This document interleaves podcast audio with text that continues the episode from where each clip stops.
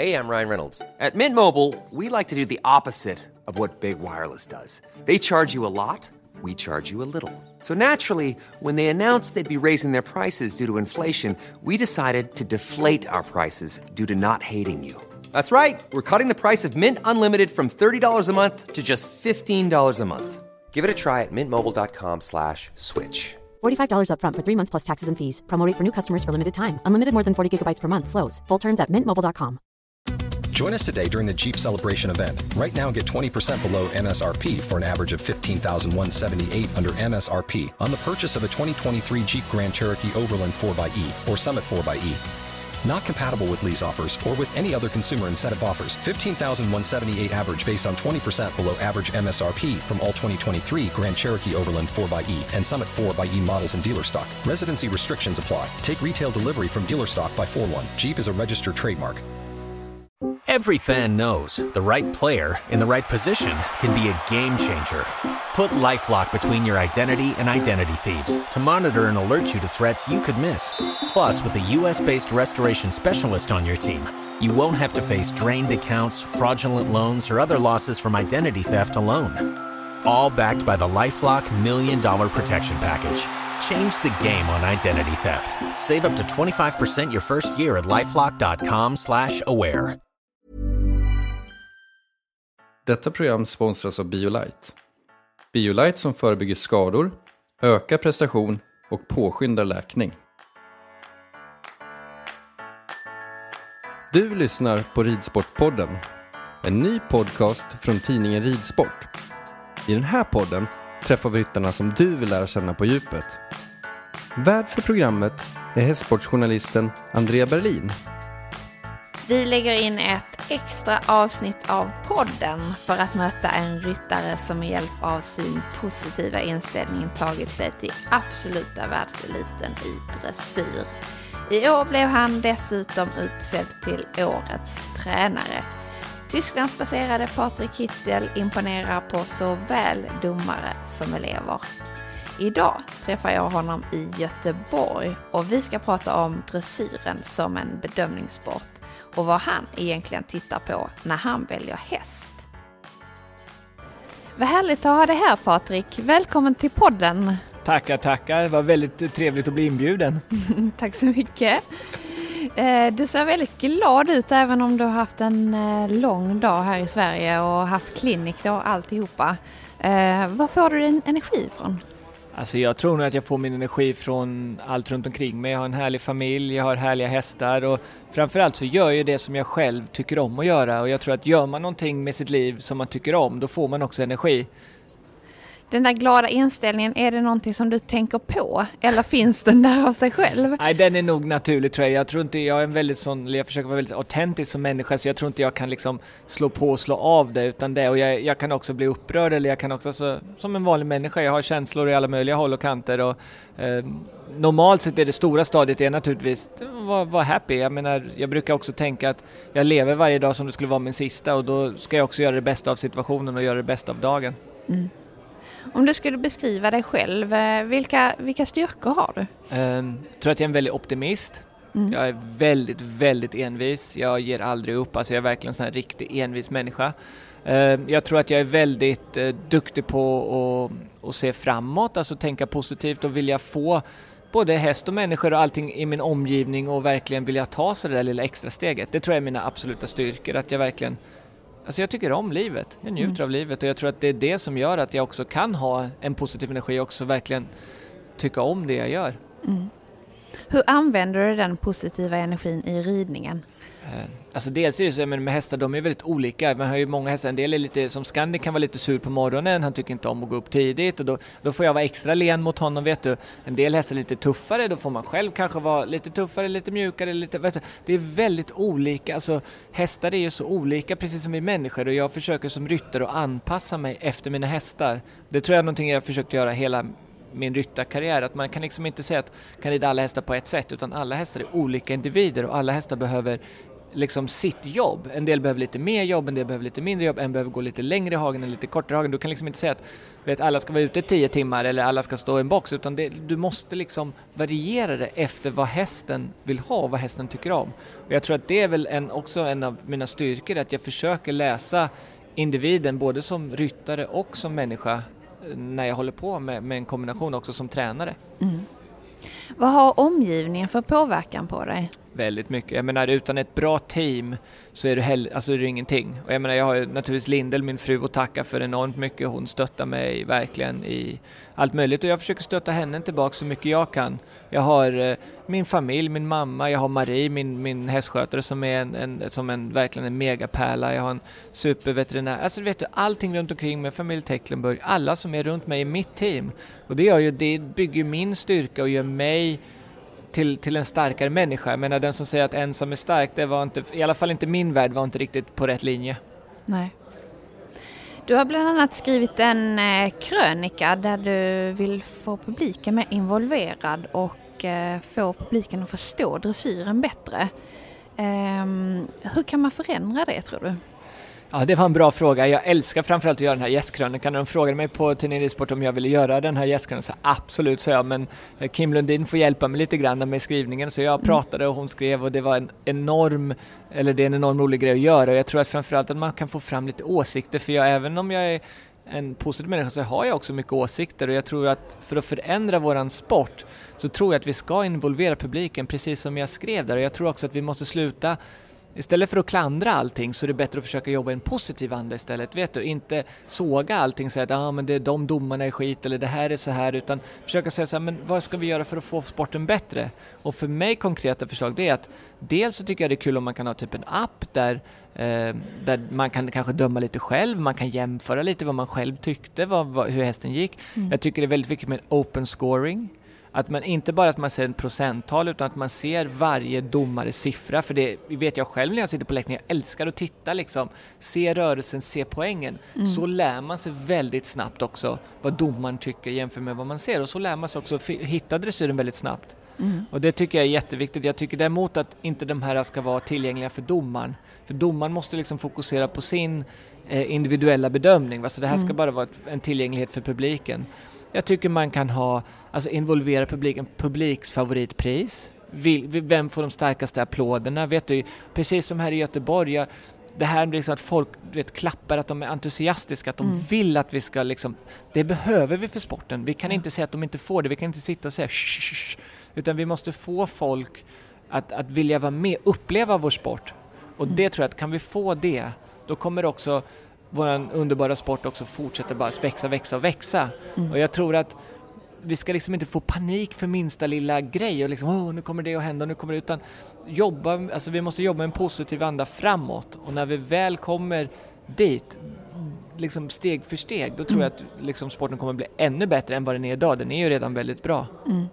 Tror du publiken saknar det här att vara delaktig? Ehm, alltså inte här där jag är just nu för tillfället, men jag tror att eh, jag tror att publiken kanske på många ställen gärna, alltså de måste förstå, vet du varför en domare var lägre eller varför var en annan högre, varför dömde mm. ens lands domare en högre, alltså vet du alla mm. de här grejerna som ofta kommer till frågor. Mm. Ibland brukar jag säga att man kan sätta sig och titta, om man sitter vid C så ser man på ett sätt, om man sitter vid B ser man på ett helt annat sätt. Mm. Och jag har också tagit upp själv att jag kanske tycker att man inte ska ge domarna, man inte ska säga vad domarna är, utan alla domare får ett kryss.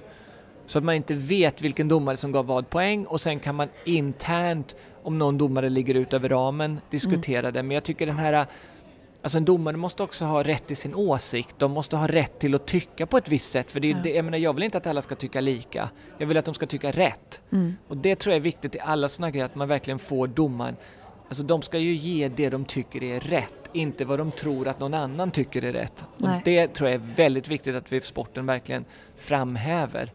Och som sagt, vi kan få sporten transparent. Jag tycker det är en härlig grej här i, i Stockholm när de har såna här uh, lite intervjuer där man får se ryttarna, man får en personlig kontakt med ryttarna. Vet du, mm. Vi måste bli alltså, annåliga för, för, för folk. Vet, de måste kunna, man måste bli liksom, kunna ta på en. För, mm. Vet du? Mm. Jag tror att det är mycket därför att många människor gillar min, mitt sätt, för att de kan prata. Då, vet du, jag, går jag igenom mässen, mässhall så kan folk komma fram. Jag bryr mig inte. De får gärna komma fram och prata eller liksom mer fråga. Man måste liksom. kunna Mm. vet du, vara delaktiga. Vi får inte bli så att folk tror att vi står ifrån dem, utan vi ska vara med människorna. Och det Mm. tror jag många också måste jobba sig på. Det är svårt för att det är också, man är också nervös själv. Man ska in och prestera eller man har kanske inte har gjort så bra ifrån sig. Men det händer ju också. Och Mm. det är klart, då är det också svårt att vara glad naturligtvis. Va?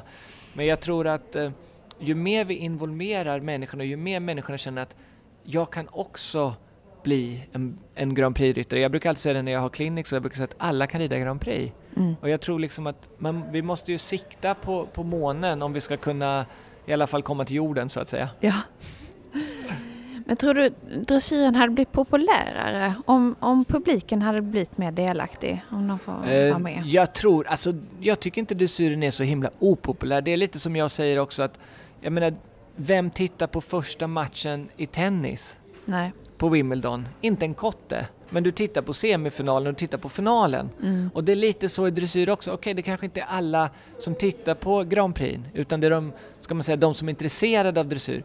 Men många tittar på kuren, fast de kanske inte är dressyrnördar för att de tycker att en Charlotte Eden är en fantastisk ryttare eller man har en medaljchans från sitt lag. Va? Så jag tycker inte att det, det är inte så mycket att få dressyren mer intressant, det är mer att vårda sporten och få ett ökat intresse genom en bredare vidd med publiken. Så tror jag vi får fram sporten. Man kanske måste vara mer kunnig också för att se dressyren än hoppningen om man jämför eh, grenarna. Ja, det är klart att i hoppning är det ju väldigt alltså simpelt. Jag Mm. menar, en bom faller, är det fyra Ja. fel, är tiden liksom en sekund över så får man 0,25 straff. Alltså det är ju Ja. väldigt enkelt och alltså man, man kan, jag menar du kan sätta på det till ett barn på TV och de fattar efter en minut. Dressyr tar längre tid, men samtidigt så tycker jag att ser du riktigt bra dressyr så behöver du inte vara en dressyrexpert utan du förstår det ändå. För Mm. Ja. du ser harmonin mellan en häst och ett djur. Mm. Alltså mellan en, en människa och en häst naturligtvis. och det tror jag är, är det viktiga, vet du. Du, du behöver inte vara en, en dressyrnörd uppe i fingerspetsarna för att se att en Charlotte Jardin är en fantastisk eh, kombination. Nej. Det är det vi ska komma åt, att folk ska se bra ritter med bra hästar. Då får vi också mer intresse. Är du själv intresserad av vad publiken tycker eller är det bara domarnas eh, poäng som räknas? Alltså, det, alltså, rent tävlingsmässigt så är det naturligtvis domarnas poäng som räknas för det är Mm. de som gör, säger var jag kommer någonstans i, i prislistan. Mm. Men det är väl självklart att jag jag menar, jag är ju där för min publik. Ja. De har betalat för att se mig, så jag vill ju göra ett så bra jobb som möjligt för Ja. dem. Ja. Jag vill ju liksom ge dem vad de vill ha. Det är som att gå på bio. Mm. Menar, inte fasiken vill jag betala 200 spänn för att se en dålig film, utan jag vill ju gå dit och se någonting som är bra. Mm. Och därför så är jag väldigt mån om att publiken ska tycka att, att det jag gör är bra. Mm. Sen rent tekniskt, rent poängmässigt litar jag ju på att domaren ger mig de poängerna som jag ska ha i tävlingsmomentet. Då ser du dig lite mer än bara en ryttare. Du är mm, lite, mm, vad ska man säga? Ja, du uppträder. Ja, men det är, ju- vi, är ju, vi är ju artister. Alltså, Precis. jag menar, ryttare är en artist, ryttare, Mm. jag ska, ska, säga, skådespelare hör sig liksom fel på film, men vi, vi, vi är artister, vi, är, vi, vi, vi ska uppträda, vi ska ju underhålla. Vi Ja. är där för att underhålla publiken. Ja, Och jag tror att eh, även om det ska vara korrekt rent tävlingsmässigt och reglementsmässigt och allting sånt, så är vi till Sören och sist så ska det vara kul att se oss rida.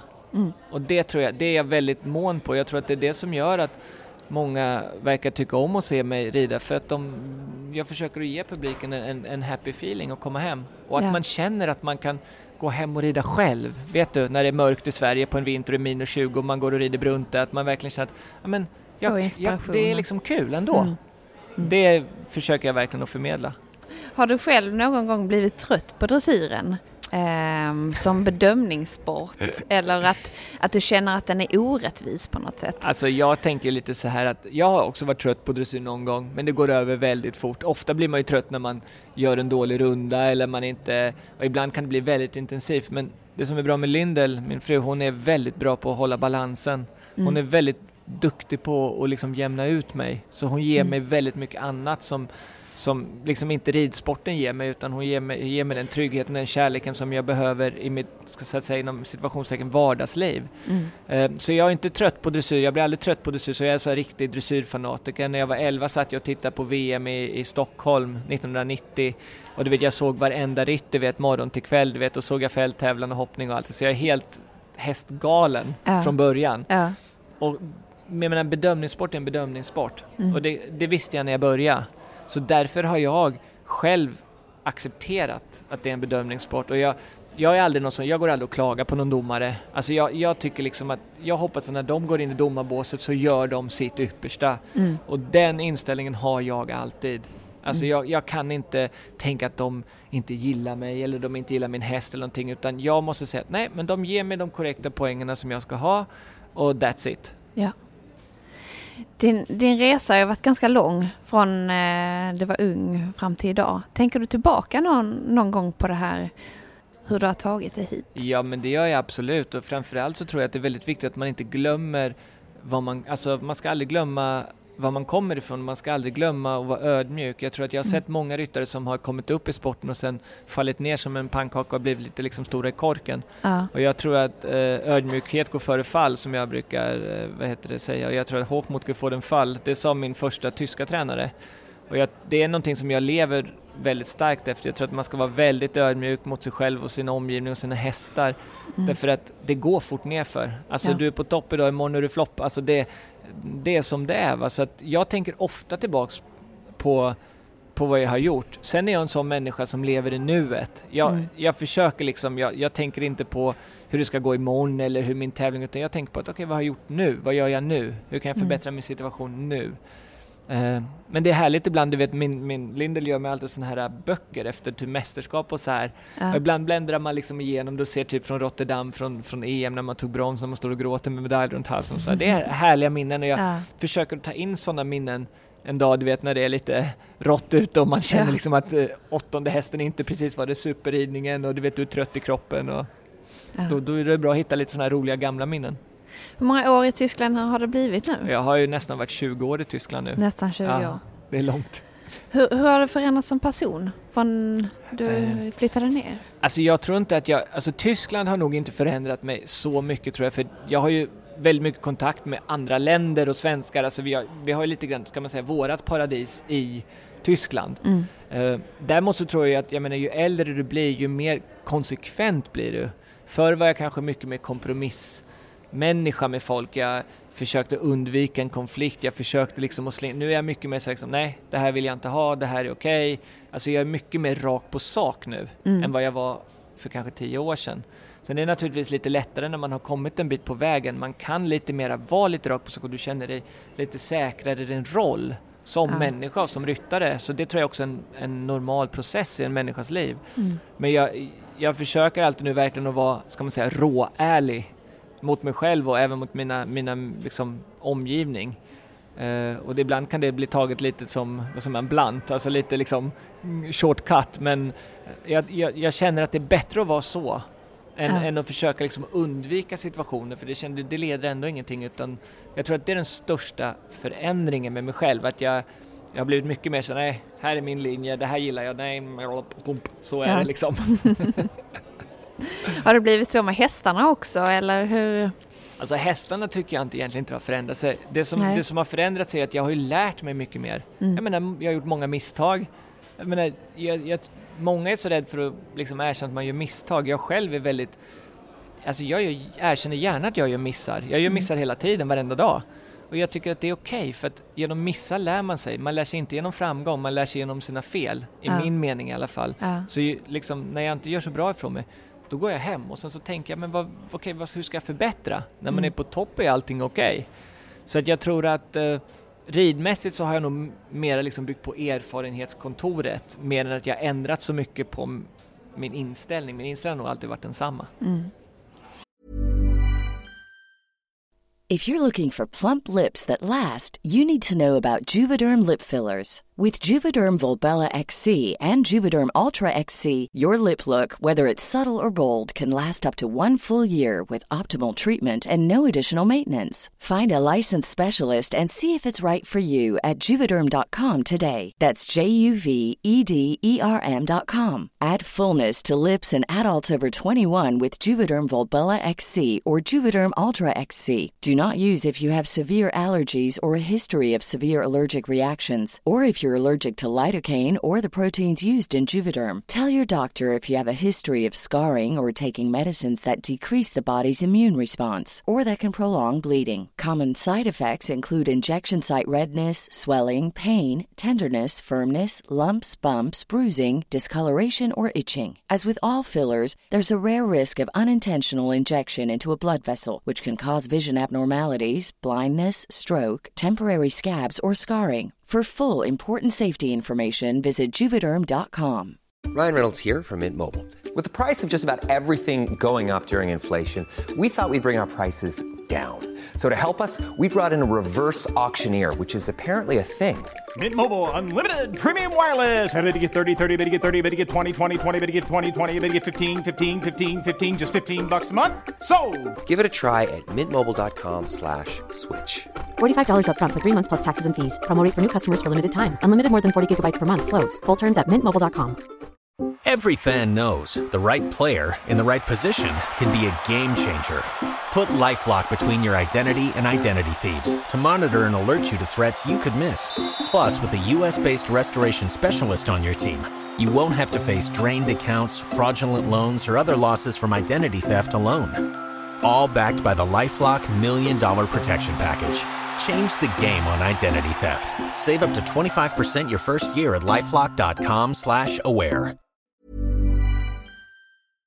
Det här med att bearbeta negativa tankar och, och sånt här. Jobbar du på det mycket? Ja, det gör jag. jag är, framförallt så är jag ju just, just det tävlingsmomentet hos mig själv Mm. så är jag väldigt, jag är, jag är ganska nervös. Mm. Eh, Får ofta liksom tankar som att jag inte ska klara mig, jag kommer göra bort mig, jag kommer göra fel, du vet någonting ska hända. Mm. Alltså inte minst vad pressen ska skriva, vet om det, om det händer någonting och så vidare. Va? Alltså man, man är ju skör, man har ju känslor och man är orolig för saker. Va? Men Mm. jag har ett par knep som jag tänker på. Alltså mycket så säger jag stopp till mig själv. Mm. Alltså säger stopp.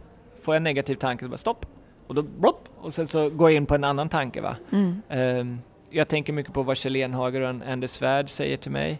Ja. Eh, de, de ger mig mycket liksom, bra inspiration. Så jag Mm. försöker liksom... Och till Sören och sist så tänker jag att men jag har ju faktiskt betalt för att rida här sex minuter så nu får de stå ut med mig. så det är lite så liksom, man får bygga upp sig själv. Ja. Jag tänkte vi skulle prata lite om det här med att eh, välja hästar också. Eh, Det har ju inte alltid stått topphästar i ditt stall. Eh, men numera har du lite eh, mer valmöjligheter man, ja, det var någon innan. som sa till mig, man kan aldrig ha nog med bra hästar och jag tror Nej. att det är också någonting som jag verkligen har tagit till mig. Man kan aldrig ha nog med bra hästar. Det finns ingen gräns på hur mycket bra hästar jag har. Sen är jag ju väldigt lycklig just nu som har många bra hästar. Ja. Men jag vet också hur det är. Sen är en sjuk och sen är det någon som är skadad och sen plötsligt har man inga hästar. Alltså, Nej. man får verkligen, samma sak där, vara ödmjuk mot sig själv och mot, mot, mot hästen och tänka att okej, det är en kanonsituation nu, Mm. men det kan vara en helt annan situation om två månader. Så Ja. att, eh, ja, när jag tittar på hästar så, så försöker jag alltid att se det positiva hos hästen. Jag försöker alltid att, att hitta en häst som jag känner att jag vill jobba med, som jag tycker om och som har talang naturligtvis. Mm. Och jag menar, jag har väldigt många fina hästar men jag har väldigt olika hästar och de är också olika svåra. Mm. Så att eh, jag tycker liksom det här med, med, med för mig att hitta häst, det, jag har ingen typ, ingen färg, ingen ålder, ingen kön utan en bra häst är en bra häst och jag rider gärna på en bra häst. Mm. Det är inte så att du köper en häst vid en viss ålder eller så? Utan det är blandat? Nej, alltså nu har jag ju eh, jag har ett väldigt bra samarbetsavtal med Marie Havard som är en uppfödare och jag har köpt nu två föl. En ligger i magen, en har jag köpt en halv av. Så Okej. jag har några föl men jag har inte ägt så mycket hästar. Jag har inte haft den ekonomiska möjligheten om jag ska vara riktigt ärlig att äga hästar utan jag har ju fått rida på andras hästar, jag har fått köpa in mig i små delar. Alltså återigen där för mig, jag, jag får göra de situationerna som jag kan lösa för att komma dit jag vill vara. Mm. Och där tror jag, där måste man vara lite finurlig och tänka lite och så får man göra, vet du, det bästa av situationerna. Men Mm. en idealålder att ta en häst naturligtvis i mitt stall är runt ska man säga mellan 6 och 9. Mm. Då kan de lite, jag säljer ju också mycket hästar och där tror jag att det är den åldern som folk vill ha hästarna och där kan jag också få maximal vinning både för mig själv och för mina kunder. Mm. Vad tittar du då efter när du ser en häst? Eh, först av allt så tittar jag på att, att det är en sund individ, alltså att den är frisk, att Mm. den veterinärt mår bra, Mm. ehm, att den vill jobba. Jag tycker viljan, det, för mig är viljan det är mer och mer viktigt. Vill de inte jobba, vill de inte arbeta, då, är det, då blir det jobbigt. Då Ja. blir det svårt, alltså det tycker jag. Sen ska de ha talang naturligtvis för att samla PF-passage. Eh, för mig tycker jag en, en grundstötesten. Har de inte talang för det, då tror jag det också blir väldigt liksom svårt. Inte omöjligt, men det blir svårare. Mm. Eh, Ja, och sen att de har lite rätt storlek. De får gärna vara snygg om det ska vara nu till kunder så får de gärna vara lite vackra. Ehm, så mm, ja, lite grann helhetspaketet, vet du. Man, Mm. det är lite på något sätt, man sätter sig upp och så, ja, that's it. Man vet, alltså jag vet Den inte, första känslan Ja, man går, jag Mm. går mycket på min magkänsla. Det gör jag Ja. inte bara med mina hästar, det gör jag lite grann med livet i allmänhet. Och säger min magkänsla till mig att det är rätt, då brukar jag köra på det. Mm. Hur mycket vill du lära hästen själv? Ehm, Ska den vara, händer det att du köper en fullärd häst eller vill du ha lite att jobba med? Alltså, det händer aldrig att jag köper en fullärd häst för att jag inte har de pengarna att köpa en fullärd häst. Men jag har ju ofta ridit fullärda hästar. Mm. Ehm, och ja, men det är både på gott och ont. Ibland Mm. så, alltså jag brukar säga, har man tränat dem själv så får man ju också, får hästen också dina fel. Har någon annan tränat dem så får du deras fel så att Mm. säga va. Ehm, men tricket är ju att försöka få hästarna att gå så bra som möjligt. Mm. Så att jag tycker inte att det spelar någon roll. Jag tror att om det är en häst för min egen del så har det gärna som Scandic och Deja som är hästar som jag har tränat upp själv. Det, då får du ju liksom göra dina egna erfarenheter och dina egna fel. Mm. Eh, och det är klart att har du hästar som andra har tränat så, så har du lite bagage med dig va? Hur mycket tycker du man kan forma hästen? eh, Jag tror att man kan forma en häst enormt mycket. Framförallt så Mm. tror jag att om man ger hästen feelingen att den kan göra det så Mm. tror jag du kommer långt med den. Mm. Sen har jag naturligtvis också en häst, det som jag brukar säga, du kan inte göra en, en Trabant till en Ferrari. Nej. Utan jag menar en häst måste också bringa någonting från natur naturligtvis. Men jag har sett väldigt många hästar som har haft kanske inte de lättaste förutsättningarna men ändå blivit väldigt bra Grand Prix-hästar för att de har haft hjärtat för Mm. att gå Grand Prix. Är det något speciellt som du vill lära dem själv när du får en ny häst? Det här det vill jag alltid eh, prägla Nej, det tycker jag inte. Jag tycker det är skönt om de kan byta galopp innan jag får dem och jag ska Ja. vara riktigt ärlig för det kan vara en jobbig, du vet de kan bli stressade eller Ja. det kan ta lång tid eller de missuppfattar. Så byter de till höger och vänster är jag tacksam själv Mm. som ryttare. Eh, jag lär dem gärna piaff passage själv. Jag, Mm. Folk säger att jag är duktig på det och jag, jag har lärt många hästar så jag känner att där är jag ganska trygg i mig själv och lär dem gärna piaff passage. Mm. Så att eh, idealet är så här 6-7, lite byten, lite du vet, Mm. liksom, lite talang. Det är den idealbilden Ja. som, som jag gärna tar. Sen gångarter och exteriör och, och hur mycket... mm, Tre bra grundgångarter tycker jag. De Ja. behöver inte ha supergrundgångarter för mig, men de måste ha tre utvecklingsbara gångarter. Men ofta har de lite talang för samling så kan du utveckla gångarterna enormt. Och när Mm. jag ser hästar, jag tittar på Valegro till exempel, så har han tre bra gångarter men han är inte vansinnigt stor gång. Nej. Men han har liksom en, en fantastisk, vad ska man säga, Grand Prix-gång. Ja. Det är lite det man ska komma åt. Jag tror hästar som rör sig för mycket som unghästar tror jag får problem senare. De, det blir för mycket för leder. De ska egentligen ha en liten ekonomitrav från början som man kan utveckla. Mm. En typisk eh, Patrik Kittel-häst. Hur är den? Ja, alltså om det skulle nu vara min drömbild så skulle den vara stor och svart och snäll Stor, och hur, het. hur är stor? Är det Alltså, hög ja, eller hög, bred? den ska nog vara både och lite tror jag. Gärna lite bred Ja. och lite hög. Jag är ganska lång. Mm. Eh, Men samtidigt så är det så att jag menar min första Grand Prix var 1,65. Eh, Jag menar jag har ridit en häst på 1,85 i Grand Prix. Så att, Ja. jag menar jag tar vad jag får och jag tar det som, som jag tycker om att jobba med. Eh, Men okej, en idealhäst är naturligtvis en, en liten Totilas eller en liten Valegro är inte fel. Alltså jag hade inte sagt nej om de hade liksom frågat om de ville stå i stallet. Nej. ja, du blev nyligen utsedd till årets tränare. Hur känns det? Det var jättekul. Alltså, eh, mina elever ger mig en enorm inspiration och jag brukade aldrig vilja träna elever. Min fru Lindel var faktiskt den första, alltså ska man säga riktiga eleven som jag tog. Eh, och hon fick böna och be ganska länge innan hon, hon började träna för mig. Jag ville aldrig riktigt träna, jag tyckte nej det var för jobbigt och det var, jag hade så mycket med min egna karriär. Men sen så började jag att träna henne och, och började få, alltså du vet vi blev ett par och, och man ska säga, le, man lever lite med sina elever. Mm. Alla de känslorna som man har när man rider själv har jag också som tränare när jag ser mina elever. När de Mm. går in, när de gör misstag eller när de gör en superrunda, deras glädje, deras sorg. Jag delar allting med dem. Mm. Eh, och det är klart att det blir ju ibland som man då till exempel åker till VM och man har fyra elever plus sig själv så då gör man ju liksom den där processen fem gånger om. Mm, vilket klart. mentalt kan vara ganska tufft måste jag säga. Eh, men jag älskar verkligen att jobba med, mina elever och jag tror att eh, definitivt att en dag att jag kommer att, lägga ridningen på hyllan. Jag vill inte vara någon som sitter när jag så här, vet, ska upp i rullstol, upp i sadeln utan jag, jag kommer nog att lägga av mig med ridning när jag känner att nu är dag X kommen och då vill jag gärna träna de eleverna som vill träna för mig och som, som tycker om att jobba med. För Mm. mig är det väldigt viktigt med mina elever också att de är seriösa, att de verkligen tycker om att träna och vill liksom utveckla och ha det här tänket och vilja jobba och komma fram. Alltså, jag, menar, jag har haft jättemycket erbjudanden för folk med väldigt mycket pengar men jag har inte tagit det för att jag inte tyckt att jag har sett liksom helhetsprojektet i det utan eh, när det gäller mina elever är jag väldigt mån om att ha få elever men bra elever som jag tycker om. Mm. Ni har en personlig relation? Ja, och det, du måste ha så för det är, Ja.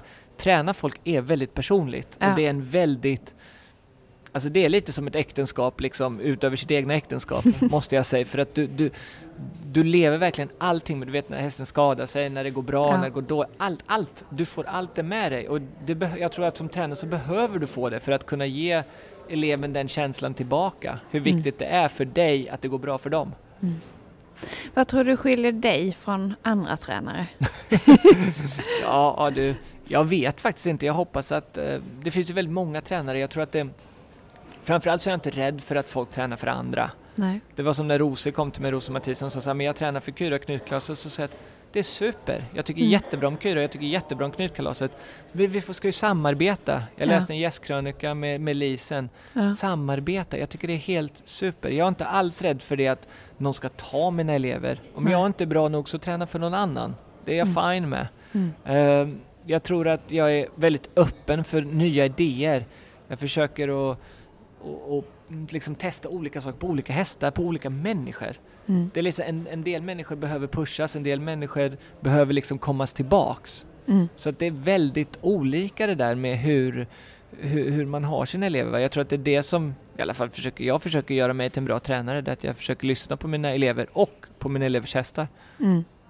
Hur gör du för att kunna fokusera både på din egen ridning och på dina elever samtidigt? Ja, det är många som ställer den frågan Ja. och det är inte alltid väldigt lätt. Nej. Ska jag, om jag ska vara riktigt ärlig så ibland är det väldigt svårt. Därför att eh, det tar mycket energi att ha elever. Mm. Samtidigt så är det så att många av mina elever började hos mig när de var på en lite lägre nivå. Och de har ju tillsammans med mig kommit upp på en högre nivå. Och jag menar, jag kan ju inte lämna dem i sticket för att de rider VM. Nej. Bara för att jag själv rider VM, utan då får jag ju ta den smällen. Ja. Och det är viktigt där tror jag att jag ger mig själv tillräckligt med återhämtningspauser, att jag också tänker på min egna ridning och min egna träning när jag är på tävling. Mm. Och det, mina elever är fine med det. Vi gör en bra plan, vi, vi försöker få det att funka för alla inblandade och sen får man ta det därifrån. Ja. Men det händer alltså att, att du tävlar samtidigt som eleverna och Mm, ni kör det ofta, vi, parallellt? alltså på VM hade jag fyra elever plus mig själv. Så det var väldigt mycket jobb måste jag säga. Du ska ju också ge fyra lektioner, alltså vet du, det är fyra timmars arbete med dem plus dig själv, det är fem timmar. Och sen har du lite laggrejer och så vidare, så det, är- det är mycket jobb. Det, jag ska inte ljuga om det, det är, det är tufft. Ja. Samtidigt så är, det finns inte någon av mina elever som jag skulle vilja ge upp eller vilja, inte vilja ha. Därför att jag, jag tycker verkligen om mina elever, jag tycker verkligen om att jobba ihop med de eleverna som jag har. Men du känner inte att din egen, eh, din egen prestation blir... Alltså jag, Ja. hoppas, jag tycker att mina, mina resultat är ganska hyfsade ändå. Och jag tror lite grann så att skulle det då vara så, ja men då är det så det är. Ja. Du, jag, känner, jag, jag försöker inte tänka så mycket på sånt där. Det är precis Nej. som när folk frågar mig hur, hur, hur tänker du för imorgon? Eller hur, jag, jag tänker inte på sånt, jag försöker bara göra ett bra jobb. Där Ja. jag är nu och idag. Eh, vad gör du för att ladda om? Ehm, ofta, jag menar som ikväll så ska jag gå ut och äta middag med Edvard och min fru och Nicole. Vi ska Ja. bara ut och käka en god middag och eh, jag menar, jag försöker att ladda. Jag försöker ta någon dag ledigt emellan när jag kommer hem. Nu blir det svårt för nu har vi mycket tävlingar efter vartannat här så att det Mm. kommer bli en tuff par veckor. Men jag försöker att ta någon dag ledigt. Jag försöker göra någonting med Lindel. Jag Ja. försöker någonting. Jag sportar lite mellan, otroligt för mig själv att bara gå och gympa lite, du vet, springa ett par kilometer på löpbandet och svettas lite och göra lite annat, vet du. Ladda bara om kroppen, tänka på någonting annat och Ja. du vet, lyssna på musik eller titta på någon film. Det finns mycket. Ta ett Ja. varmt bad. Det har jag gjort sedan jag var typ 12 tror jag, så jag, nu har jag dessutom med bubblor i så det är helt kanon. Men du känner inte att du måste åka på någon semester långt, långt bort för att kunna koppla Absolut bort, inte. koppla jag är snarare sån att när jag åker på semester så efter fyra dagar så liksom brukar min Linde säga till mig att nej, nu ska vi nog åka hem med dig. För jag brukar liksom så här, du vet, kratsa på allting och börja gnälla på servitörerna att de inte gör ett bra jobb. Och, alltså, så jag har ingen direkt långsemester. Men ett par dagar är mysigt. Vi åker Ja. gärna till London två, tre dagar eller vi åker gärna till Paris har vi varit någon gång, du vet, två, tre dagar och gör en sån romantisk getaway bara. Ja. Hur ser du på framtiden nu? Har du några planer? Ja, alltså, det får gärna fortsätta så här. Jag skulle Ja. verkligen någon gång vilja ta en OS-medalj. Ja. Må det vara mig själv, må det vara i lag, men jag skulle verkligen vilja att eh, göra den prestationen för mitt land och för mig själv och, och, och ta en medalj på ett OS. Och sen blir det inte så, så blir det inte så. Då tänker jag att då har jag ändå tagit en medalj Mm. från ett EM. Det är inte heller illa fyrpinkat, men jag tänker att det, mitt, mitt sto, min stora dröm är att på något sätt kunna göra mig själv och mitt land stolt och ta en medalj på ett, på ett mästerskap, på ett OS. Så det finns drömmar kvar Det finns alltid drömmar. Och när jag började, jag menar när jag började rida så, så var min dröm att rida OS. Sen red jag OS, då drömde jag om att vara bättre än nummer 15. Sen var Mm. man bättre än nummer 15, ja då drömmer man om att vara nummer 5. Och så, alltså, det är alltid så, man sätter sig alltid nya mål och nya saker som man vill göra med livet. Och jag Ja. tror ju äldre man blir, ju mer vill man göra nya saker. Det är klart. Ehm, du har sagt någon gång att du kan tänka dig flytta tillbaka till Sverige. Eh, finns de tankarna kvar? Ehm, alltså just nu så, så ser det nog mörkt ut med den tanken tror jag. Vi är ganska bofasta där vi är och tycker om att vara där. Jag tror att när jag är äldre sen så småningom så kommer vi nog kanske, ja, ska säga 20 år i framtiden så, så kanske vi flyttar till Australien. ja. Det, jag tycker Australien är ett underbart land och de, påminner mycket om svenskar, väldigt härliga människor, liksom glada och öppna och liksom tycker om att vara. Jag njuter verkligen av att vara hemma måste jag säga, som när man går upp igår. Vi var på restaurang och du vet, folk är så du vet, öppna och de pratar och de, de, de har en härlig, härlig inställning. Det, det saknar jag ibland måste jag säga nere i Tyskland. Vad händer nu inför vår och sommar, Patrik? Ja, det blir ganska mycket här framöver. Jag har ju väldigt många hästar så att det blir mycket tävlande. Det blir Doha, det blir Videoban, det blir Hagen, Falsterbo, vi har Rotterdam, det är Aachen, det är SM. Det är, det är inte en, en lugn minut där i framtiden och eh, det stora målet är naturligtvis att rida EM Ja. och göra bra på EM och sen också försöka kvala Sverige till OS. Och det är det, det, är det kortsiktiga målet inför Rio nästa år. Eh, så det blir mycket tävlande, mycket del sol, en del regn säkert också. Eh, men väldigt, säkerligen väldigt härliga dagar och härliga tävlingar framöver. Och jag ser fram emot det. Däremellan har jag lovat min eh, kära hustru att vi ska åka på någon bra semester. Lite kort, London, Paris, vad vet jag var vi åker någonstans, Dubai. Men ett par dagar ska, jag, ska vi i alla fall eh, njuta av bara vara vi. Ja. När kommer du nästa gång till Sverige? Ja du, detta var en väldigt bra fråga. Jag ska, ha en, klinik, jag ska ha en klinik på Gotland faktiskt. Okej. De frågade mig för Gotland. Och sen så ska jag eh, ha ett projekt, eh, jobba med ett projekt som jag ska göra ideellt för eh, barn med cancer i Okej. höst. Där jag ska Mm. göra en klinik där jag vill att pengarna ska gå till barn som håller på med hästar. Som Okej. håller på med cancer. Så det Ah. jobbar jag starkt på nu för att sätta upp liksom och göra location och sånt. Så det kommer att ske i höst, det troligen nere i Skånetrakten. Uh, och sen så Falsterbo naturligtvis som är min absoluta favoritturnering utomhus, eh, tävling utomhus. Så att eh, det ser jag verkligen fram emot. Mm. Men då hoppas vi får se dig där. Ni kommer säkerligen få se mig väldigt ofta Ja. i Sverige igen. Jag kommer inte att lämna mitt kära hemland för att oavsett om jag nu har bott 20 år i Tyskland eller 30 år i Tyskland så är jag en, en hel svensk innerst inne. Ja, men det låter jättebra. Lycka till! Tack så mycket. Ha en bra dag. Hej. Hej. Vi vill jättegärna veta vem du vill att vi ska träffa nästa gång och vad vi ska prata om. Maila till oss på podden snabel-a tidningenridsport.se Programmet producerades av Lavaletto.